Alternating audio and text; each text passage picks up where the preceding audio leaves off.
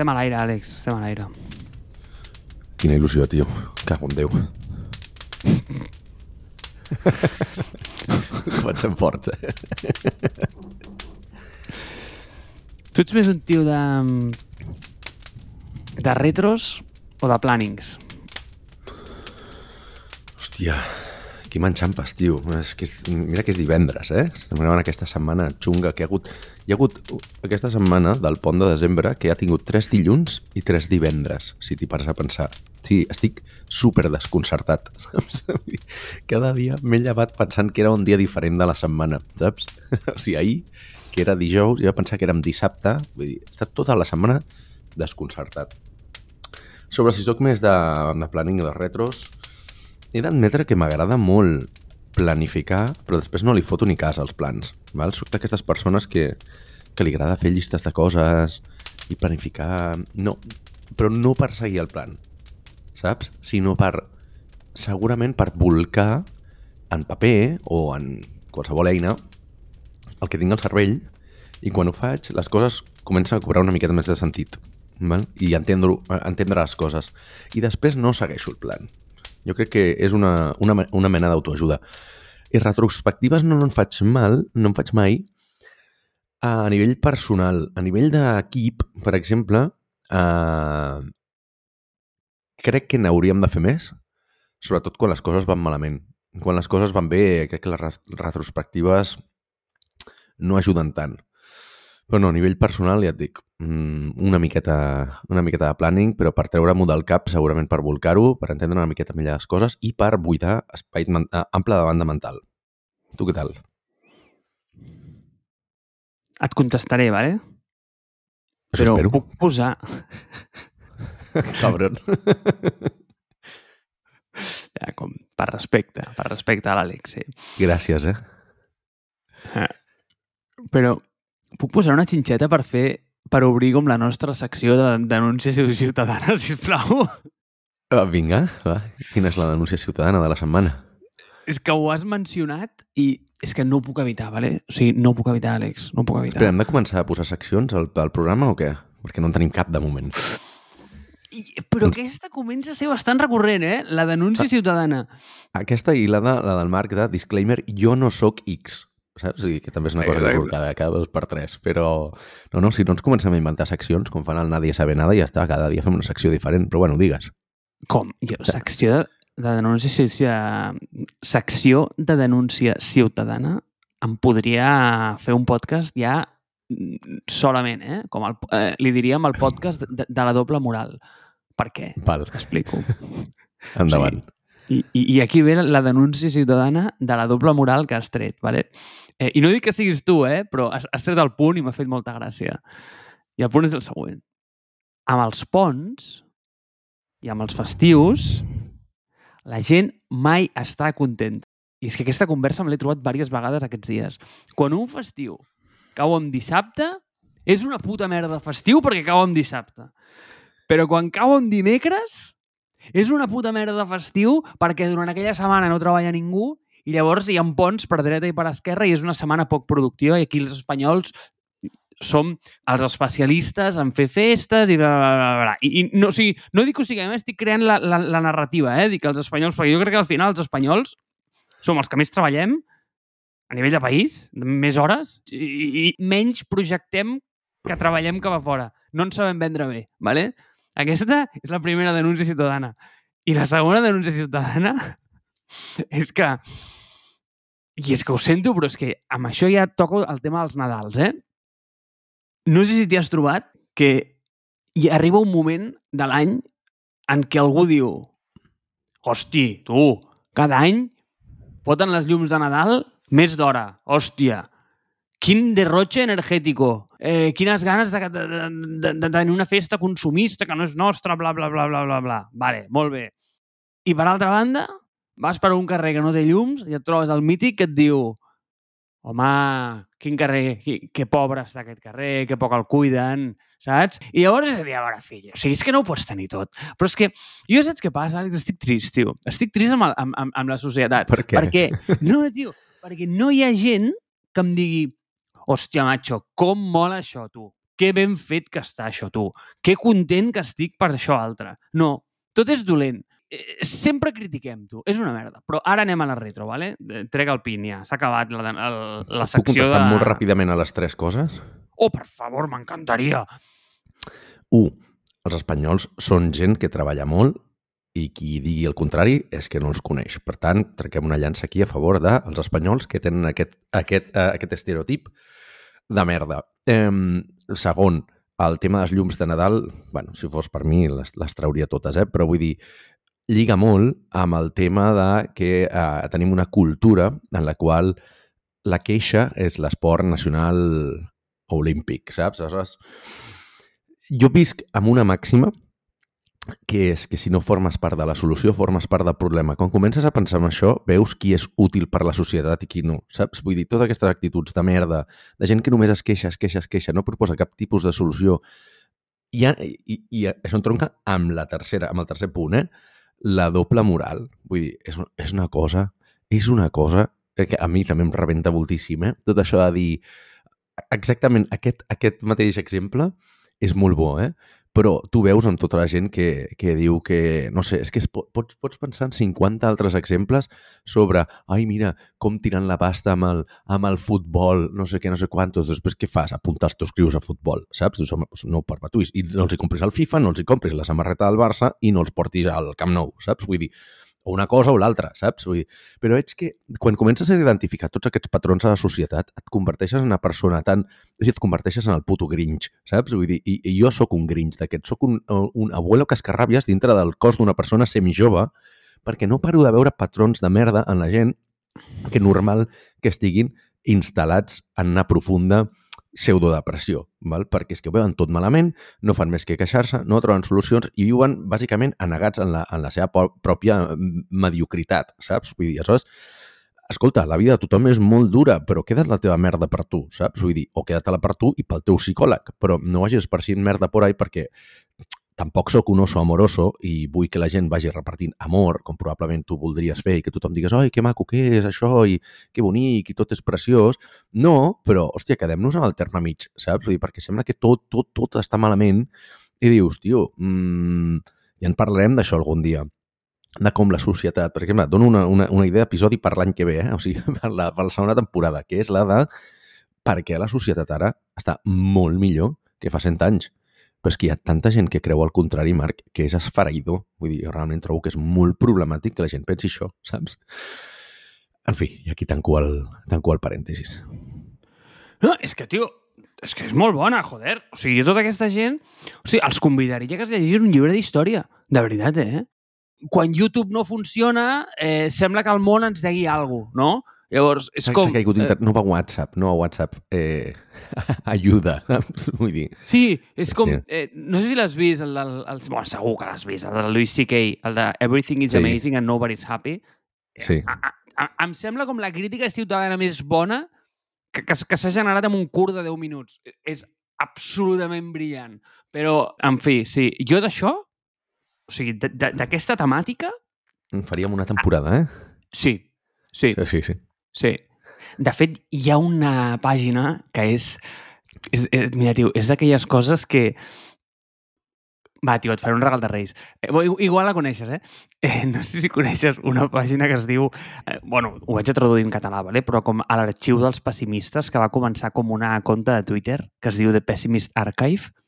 No la conec. Déu Fotré un vistazo. O sigui, bàsicament, t'explica des d'un punt de vista històric cada invent en el seu dia com la gent posicionava d'una forma molt reactiva contra aquella cosa, no? I, jo què sé, tonteries com que les bicicletes produïen eh, o sigui, el serrampió a les dones, saps? Jo què sé, o sigui, coses d'aquestes, saps? I, tio, Sí, és sí. brillant, és brillant. Ho recomano absolutament a tothom. Però, ara, si vols, ja podem tancar la secció de, de, de crítica ciutadana, que està bé, Vinga. eh? Vull dir que... Després podríem d'11 fer un minuts podcast. estaria bé, sí, sí. Estaria bé, estaria bé. I tornem a la pregunta de si sóc més de retros o més de plannings, no? Llavors, eh, en aquest aspecte, jo crec que quan has mencionat, i clar, ara serà molt difícil per a una persona que ens escolta, tornar enrere i recordar el que tu has dit, però jo faré una mica de memòria, i, eh, sí, perquè si no tampoc m'ho recordaria, però com que m'ho he apuntat perquè jo també sóc de fer llistes. Eh, és més, jo crec que jo en si mateix sóc una llista, val? Eh, i a mi també m'agrada molt baixar els meus pensaments. O sigui, jo sempre tinc que anar amb una llibreta o amb el mòbil per les notes a la mà. Perquè, si no, a part de que la meva memòria és nefasta i o sigui, no aguanta més d'un pensament i mig a la vegada, llavors necessito apuntar-m'ho, perquè si no se m'oblida. I em passo tot el dia com generant petites idees que després no serveixen absolutament per res, però que en el moment em sembla que tinc que apuntar. ¿vale? Llavors, eh, m'agrada molt fer plans, també sóc com tu, que poques vegades els executo. Jo crec que és que al final això ens ve com natural a tothom, no? O sigui, tothom vol fer maratons quan està sentat al sofà després d'haver-se fotut eh, un entrecot de 750 grams, no? Llavors, tots, tots ens agrada com projectar aquella imatge. I és, i és, aquesta, és aquest concepte que hem mencionat moltes vegades, que a mi a mi m'agrada molt, que és aquest concepte de no, tio, o sigui, tu no vols ser ric, saps? Tu vols les conseqüències de, de la riquesa. És a dir, tu vols el iate, el, el cotxe, la casa i, i el caviar, però no vols passar... No vols per... els paparazzis, no vols... Exacte, saps? Els problemes de gent rica. Bueno, els problemes i sobretot el camí que ha tingut no, que no, seguir no, per ser-ho. Molt pitjor, molt pitjor. Clar, clar, és a dir, i quan dic el camí vull dir l'esforç que li ha costat arribar allà, no? És a dir, has estudiat què s'ha de fer per, per ser ric, és a dir, no és tan complicat. El problema és que és difícil, és a dir, és dur, és un camí que no és agradable. I quan vull dir agradable, vull dir que no és... Mmm, bueno, pues que no et ve natural. És com la marató després de, de, de, del dinar de Nadal, no? Que tots volem fer maratons. En aquest sentit, és molt més fàcil fer plans que no parar a pensar que has sortit malament, no? Però a mi les retros m'agraden, també. O sigui, això és retro. I això que has dit al principi, de que aquest no tenia recerca, home, una miqueta recerca, xato, una miqueta sí que tenia, eh, jo crec.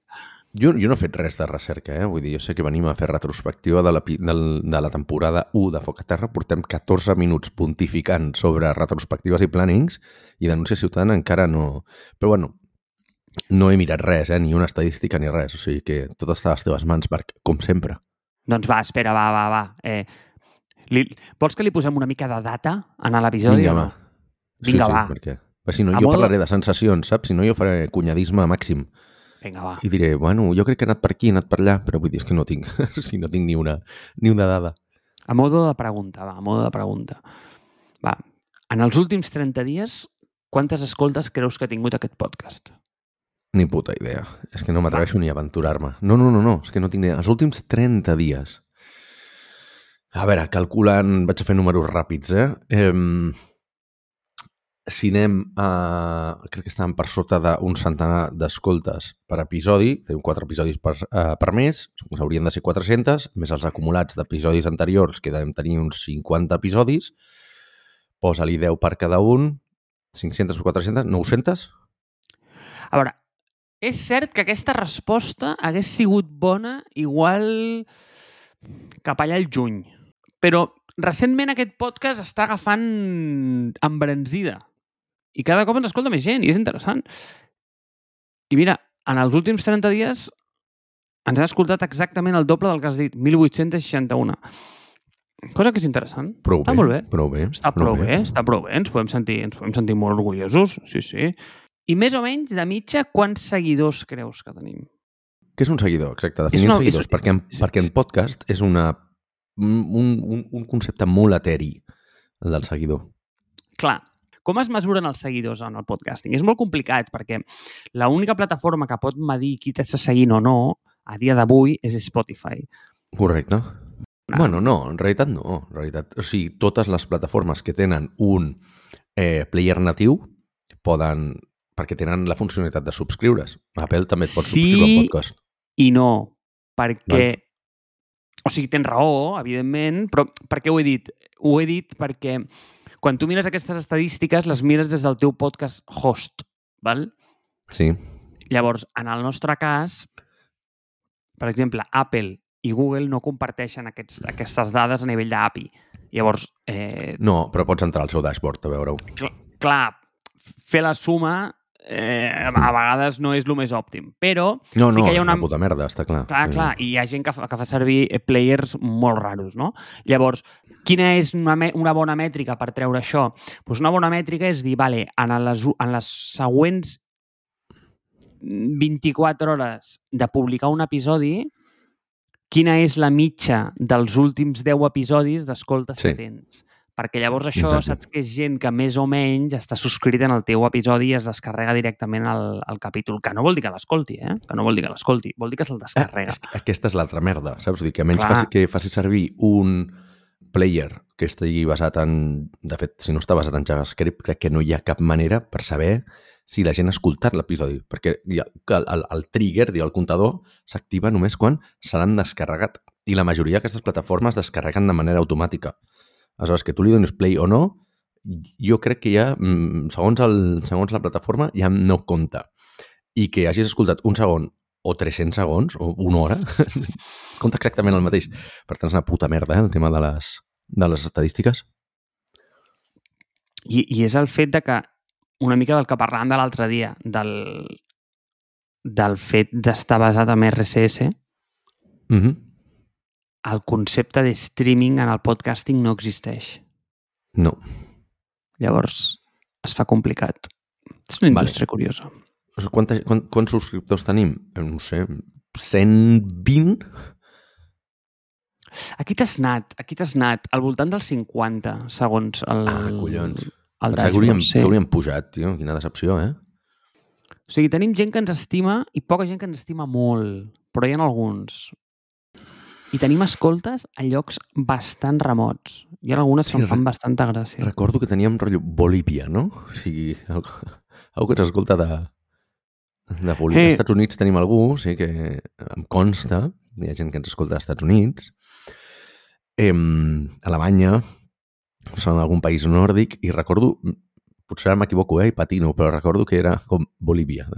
Potser, hòstia, no, espera, que igual m'estic confonent, que vaig mirar el, a l'Spotify Wrapped de, del meu grup de música i crec que Bolívia venia d'allà, saps? Te'n palia algú a Bolívia que està escoltant punk català. Però, bueno, potser és la mateixa persona que ens escolta a Foc a Terra. No, en tenim alguns de Mèxic, però aquests ja sé d'on venen. O sigui, són, són coneguts aquests. Són de la teva Però- màfia, no? Deuen ser contactes teus, tio. Són de la màfia mexicana. Tenim molt a les costes americanes, també és veritat. Sí. I alguns afortunats de les Canàries. Però... però... però sí, no, eh, o sigui, tenim molta variabilitat a nivell de, a nivell d'escoltes i va, més coses, va. Sortim una mica de la data, que això no t'ho tens que preparar. Què m'ha après? Què m'ha après, Àlex, en aquests últims episodis? O en, aquests, Mira, eh, en aquest any? Aquí volia anar jo, perquè hi ha coses... O sigui, una de les coses que m'ha portat el tema del podcasting, i ara que porto... Mira, de, a finals del primer trimestre de l'any que ve portaré 3 anys fent podcast, eh? amb diverses iniciatives. I aquest és el quart podcast començo. Um, és que, el, el, com tot, eh? vull dir, les dades et donen una, una visió sobre la qual tu pots construir coses, però després hi ha, hi ha dues coses més. Hi ha una que són sensacions i una altra que és les dades que són qualitatives, no quantitatives, val? que aquestes co- costen molt de mesurar. I les sensacions les deixem de banda, podem entrar després eh, en temes sensacions, perquè crec que també és molt important. Tu saps si un podcast va de pujada o va de baixada per, per dades qualitatives, però també per sensacions. Um, però, per exemple, a mi el que m'agrada molt d'aquest podcast és la qualitat de la gent que ens escolta. M'explico, hi ha podcasts i altres iniciatives que tenen moltíssim tràfic, val? jo també he fet coses com molt tràfic, com molta afluència de gent, però és que, clar, sona lleig dir que és de, la, la qualitat no és la mateixa, la qualitat de gent, però digue-li, eh, el perfil de gent que ens escolta, crec que aquí Foc a Terra, és un perfil molt afí al que fem.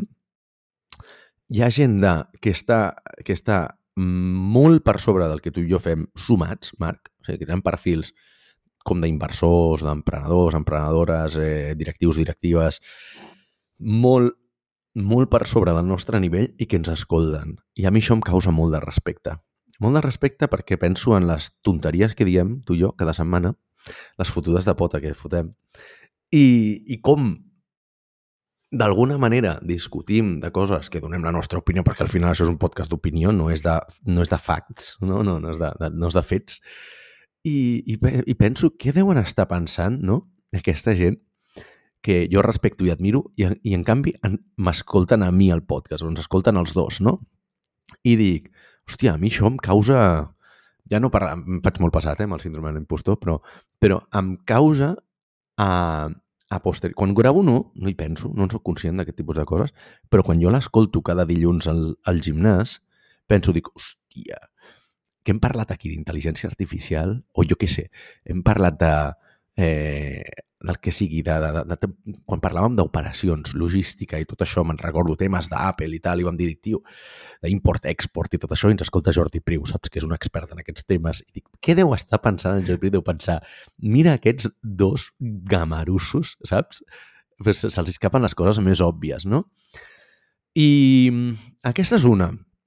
L'altra cosa que, que m'ha ensenyat aquest podcast i per la qual estic molt content és que és un format, per exemple, que jo no havia explorat mai.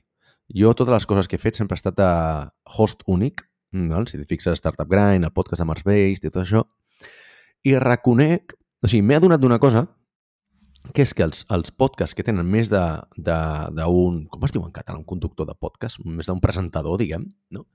els que tenen més d'un, em puc escoltar varis episodis seguits. En canvi, els podcasts que tenen un presentador no puc escoltar més d'un episodi seguit. Et dono exemples. 20 Minute VC, val? és un dels meus podcasts preferits. Harry Stebbings, boníssim. Val? Entrevista de 20 minuts a Venture Capitals. Però és que m'escolto un episodi, m'ho passo molt bé i dic, ja prou. Val? En canvi, eh, episodis, o sigui, perdó, podcast de dos presentadors, el Nadie sabe nada, com deia, el, eh, el My First Million, el podcast d'Itnic, el All In Pod, se m'acuden molts més, eh? Me'n puc posar tres o quatre seguits, no passa res. Per què? Perquè és que com que cada episodi és diferent, perquè amb un parla més un, amb un l'altre, eh, són com una recepta que cada episodi va canviant i es va fent diferent, no? I em resulten molt més lleugers d'escoltar. De, I he pensat que dic, hòstia, mmm, aquí, i m'ha tocat una miqueta la, uh, la vena, perquè penso que en el podcast de Mars Base, per exemple, em trobo molt sol fent de, fent de, de presentador del podcast, eh? I aquí comparteixo aquest sentiment. Dic, em trobo molt sol i de vegades em desmotivo el fet aquest de tenir, hòstia, només, només està jo, només un que tira del carro i, i, i com dir-ho, eh, també trobo que acabo entrant sempre a la dinàmica de fer el mateix episodi, no? I aleshores dic, hòstia, és que igual el que hauria d'incorporar potser no en tots els episodis, però sí posar més el, el format aquest d'intercanvi de posar dues persones al mateix nivell i, i anar-se rebotant temes o, o discutir un tema i tot això, més que el format entrevista que punt 3, i aquí tanco ja, format entrevista està trilladíssim, tio. Estic fins als collons del format entrevista, saps? Estic fins als collons. Porto 10 anys fent entrevistes, eh? Però veig que és, és lo fàcil. Avui en dia tothom que comença un podcast pensa en fer entrevistes. L'última setmana han contactat tres persones, molt top, eh? Però molt top, del pal bueno, vaig a començar un podcast, o vull començar un podcast, estic pensant que faria entrevistes, i jo pensant, dic, mare de Déu, és que ni l'escoltaré. O sigui, et respecto, t'admiro, m'agradaria sentir el podcast, però no vull sentir més putes entrevistes. vull dir, no vull sentir més putes entrevistes de gent que comença ara a fer entrevistes. Ojo, entrevistes d'això, no? Del, de, de Harry Stebbings, de 20 Minute BC, són boníssimes. Però clar, el tio porta molts anys fent entrevistes, es prepara molt bé. Ara bé, tio, una persona que ha de començar... No vull veure el camí d'una persona que aprendrà a fer entrevistes en un podcast. És que entrevistar és un art, eh? Eh el toro és noble, eh? T'ha quedat una frase d'aquestes de... de, de barra de bar, saps? entrevistar és un art. Ho has dit. Ho has deixat aquí eh. flotant. Tu què has après, tio? ho has deixat aquí flotant. És que és d'aquells moments en què has de tirar com, saps, el mític tòpic de mm, futbolístic, quan eh, la partido conversa... Exacte, que la conversa no hi arriba ja... fàcil Sí, tio, sí, sí, sí. Seran 90 minuts molt durs. I arriba un moment que, que la conversa ja, ja no dona per més, saps? I llavors has de començar a tirar d'obvietats i, i, és, i és aquell moment, no? I és el de, hòstia, les entrevistes. No, però és que és veritat, hòstia, eh, entrevistar és complicat, eh? no, no és fàcil, perquè has de treure com la millor cara de l'altra persona i no fer un bon episodi d'entrevistes sol passar com amb la feina. Generalment no és culpa de la empleat, sinó del seu mànager que no ha sabut trobar-li el lloc 100% o... d'acord. Eh, Però, però, però és un punt... en- Mira, jo crec que un dels superpoders més grans que una persona pot tenir, i jo no tinc, però m'agradaria, és el de mm, ràpidament entendre en una persona en què és millor que tu i saber aprendre molt ràpid d'allò, és a dir, treure-li com el suc molt ràpidament d'allò que aquella persona és millor que tu. És una cosa molt complicada, molt difícil, però molt difícil. I, i, i, i, i, veig gent, eh? I conec gent que ho sap fer. A mi em costa. És a dir, una persona que parla amb algú i s'avorreix no és culpa de, la, de, la, de, de que l'altra persona és avorrida. És culpa teva que no has sabut trobar el, la palanca correcta per, per emputxar-la. Segur que aquell tio és fascinant en alguna dimensió. Aquell tio aquella tia, òbviament. Què he après? Perdó, és que no vull divergir. Cert, Àlex. Jo subscric absolutament totes, les, totes i cada una de les paraules que has dit. 100%.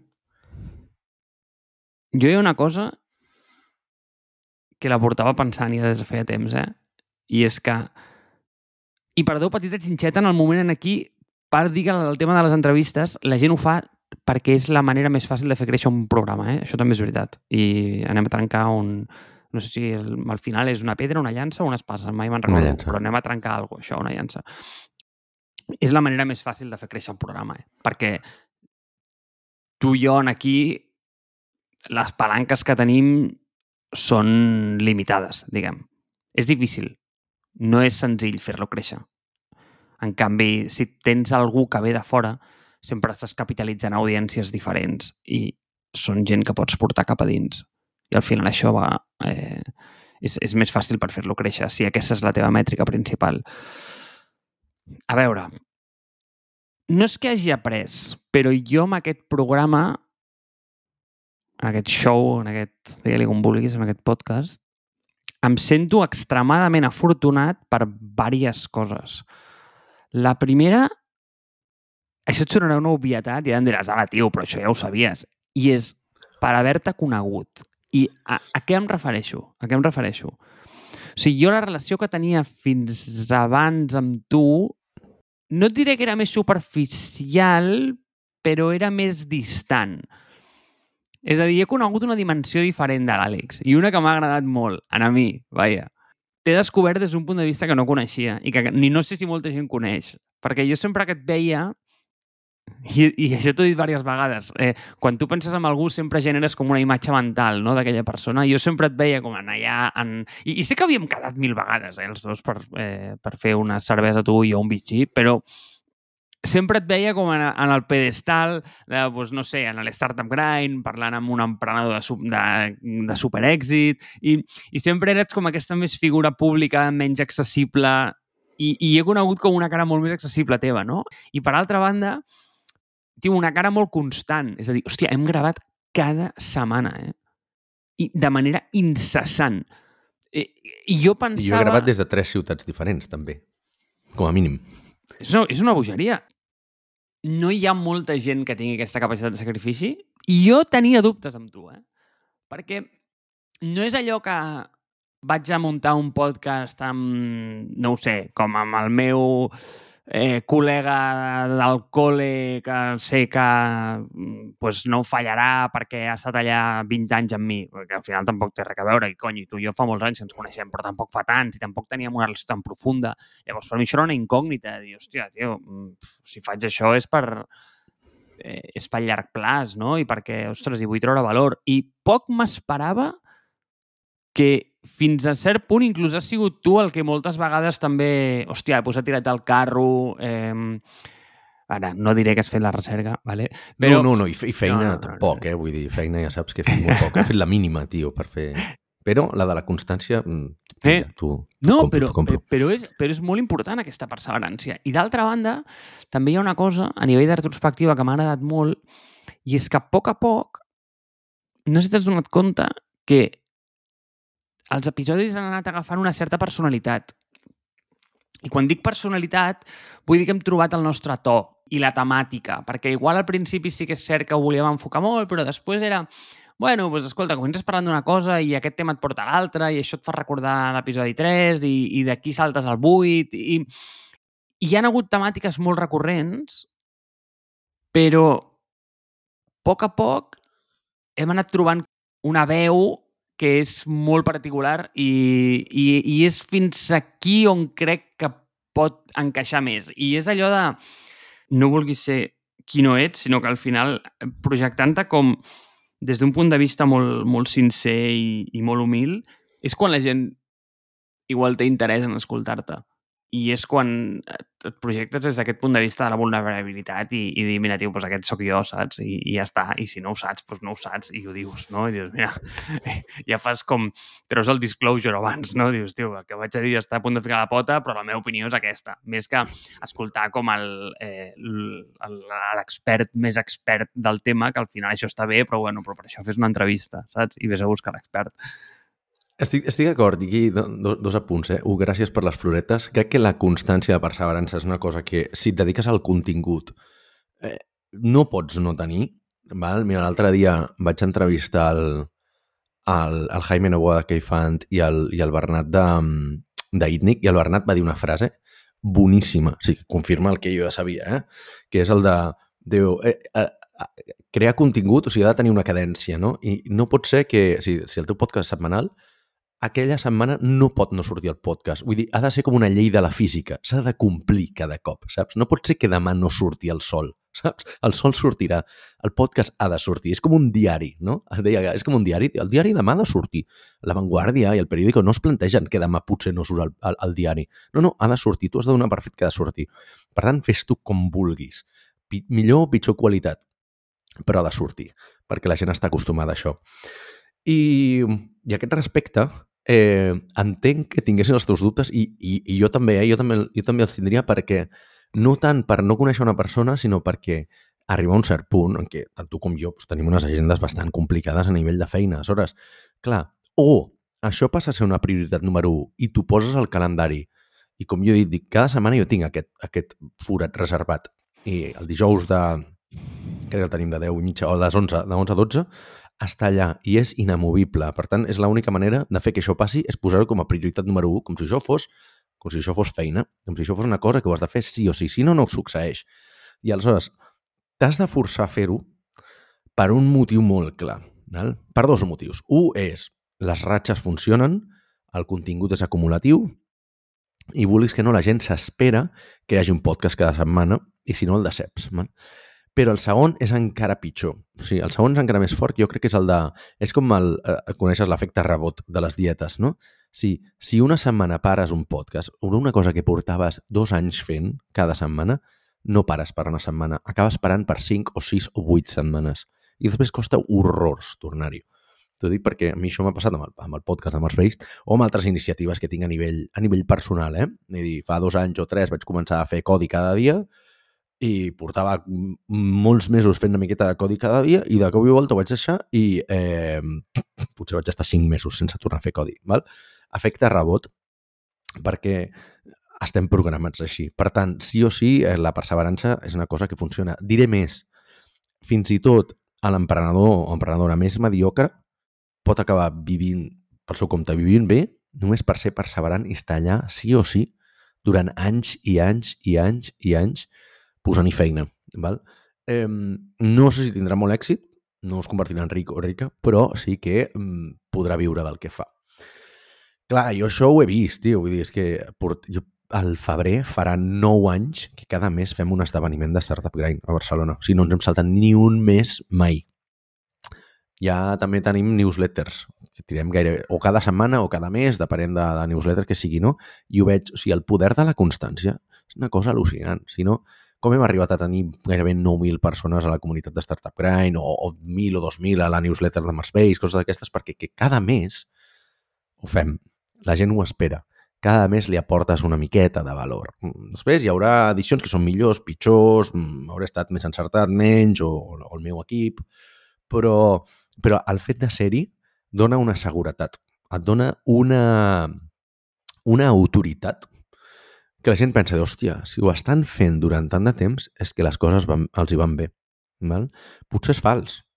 però aquest sentit de seguretat, la gent vol sentit de seguretat. Això és una persona que es sus subscriu en podcast, el que vol també és, hòstia, vull sus subscriure aquest podcast, però no vull que em deixin tirat al cap de quatre episodis, no? I aleshores, quan tiren enrere i veuen, doncs en aquest cas, en el de Foc a Terra, veuran que tenim 50, crec que aquest és el 52, 52 episodis, diuen, hòstia, aquesta gent s'ho ha currat i ara troben la temporada 2, doncs potser val la pena, no? Eh, jo diré que faré una cosa. Ara, durant, durant Nadal, em, em tornaré a escoltar el podcast. Vull dir, des de l'episodi 1. Potser no arribo als últims, eh? Perquè ja els tinc massa frescos.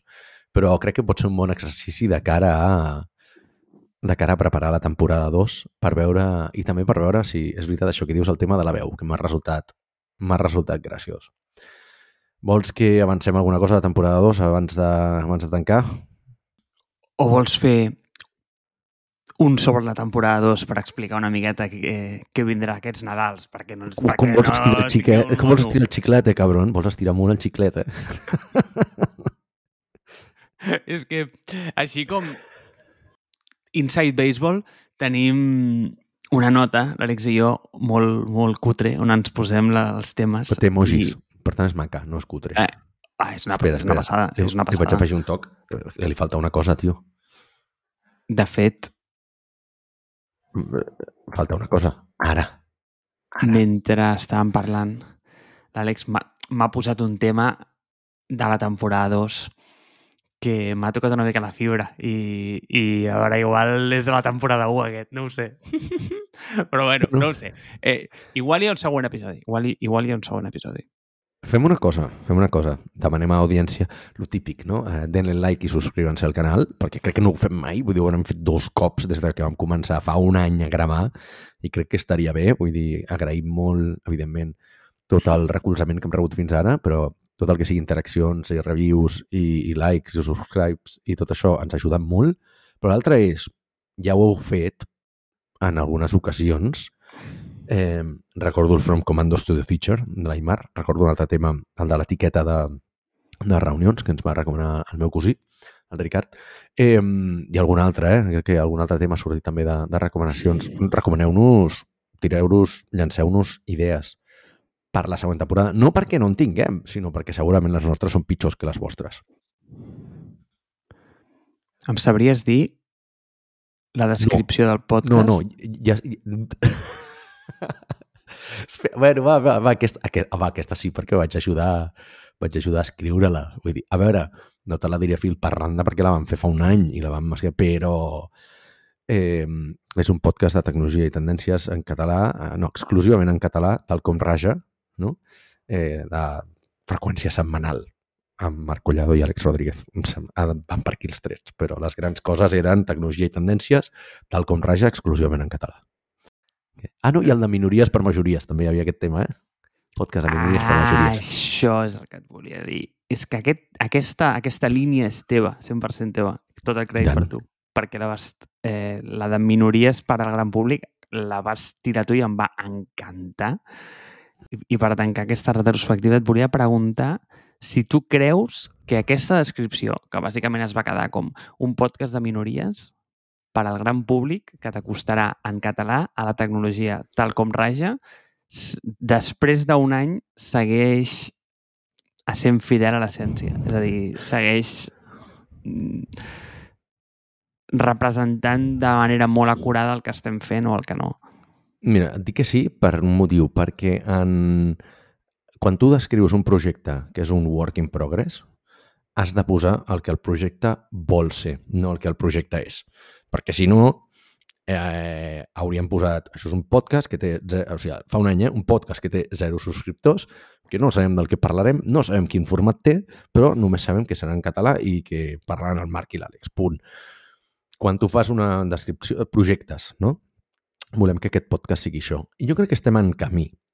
I ara aquí vaig a xafar-me una miqueta l'argument que tenia abans. O sigui, si bé tenim molta gent eh, o, o un número considerable de gent que està molt, molt, molt, molt per sobre el nostre nivell i que diem, hòstia, què fot aquesta persona, què fot l'Elon Musk català escoltant-nos, no? Eh, també crec que amb aquest podcast hem aconseguit una cosa que jo no he aconseguit en altres iniciatives que tenen molta més audiència, que és el que ens escolti gent molt propera de fora del cercle de la tecnologia i dels negocis, val? ja sigui família o amics, que diuen, no, és que per mi és com el podcast on aprenc del que està passant, m'agrada escoltar-vos, i, i no és el típic que ho escolten perquè tu els hi has demanat, perquè són els teus amics, que és un, un error molt comú, que és el de, ui, li passo a la família perquè ens escoltin i així puja el número de seguidors. Nosaltres no ho vam fer, que jo sàpiga, sinó que, evidentment, vam comentar que fèiem això, però no els hi, jo no els he demanat, no els he anat a perseguir, escoltin, sinó que de manera orgànica ens han trobat, eh, perquè ens hauran vist pues, al, al Facebook, a l'Instagram, al Twitter, on sigui, i, i es queden a escoltar-nos. Hi ha molta gent que, que el que deia, eh, no està al nostre sector i, i diuen, hòstia, és la meva manera d'entendre què està passant i saber això que sento de, hòstia, el del Twitter d'Elon Musk, el tema del metavers, tema d'intel·ligència artificial, que els estem acostant, que crec que aquí és el, el punt aquest que dèiem, que els estem acostant un món que canvia molt i que eh, del qual tothom en fa part, eh? però no, diguem, no és el seu dia a dia. No, nosaltres ho donem per descomptat perquè vivim a la bombolla de tecnologia, no?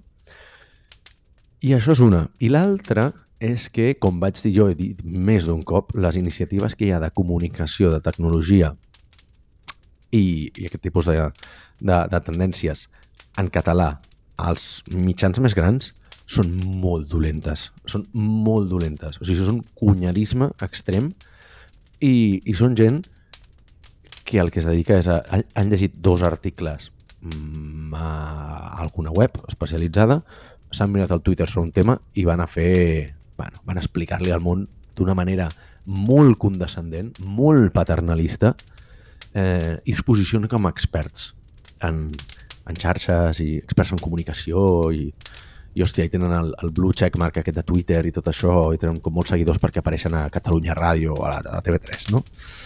però el contingut té tan poca xitxa, tio, o sigui que a mi em fa, em fa, em fa vergonya, evidentment, jo no ho consumeixo, i hi ha gent que diuen, hòstia, doncs mira, entre escoltar aquesta gent i escoltar el Marc i l'Àlex, m'escolto el Marc i l'Àlex, perquè mira, mmm, trobo que són més propers, i a mi això, tio, m'agrada molt.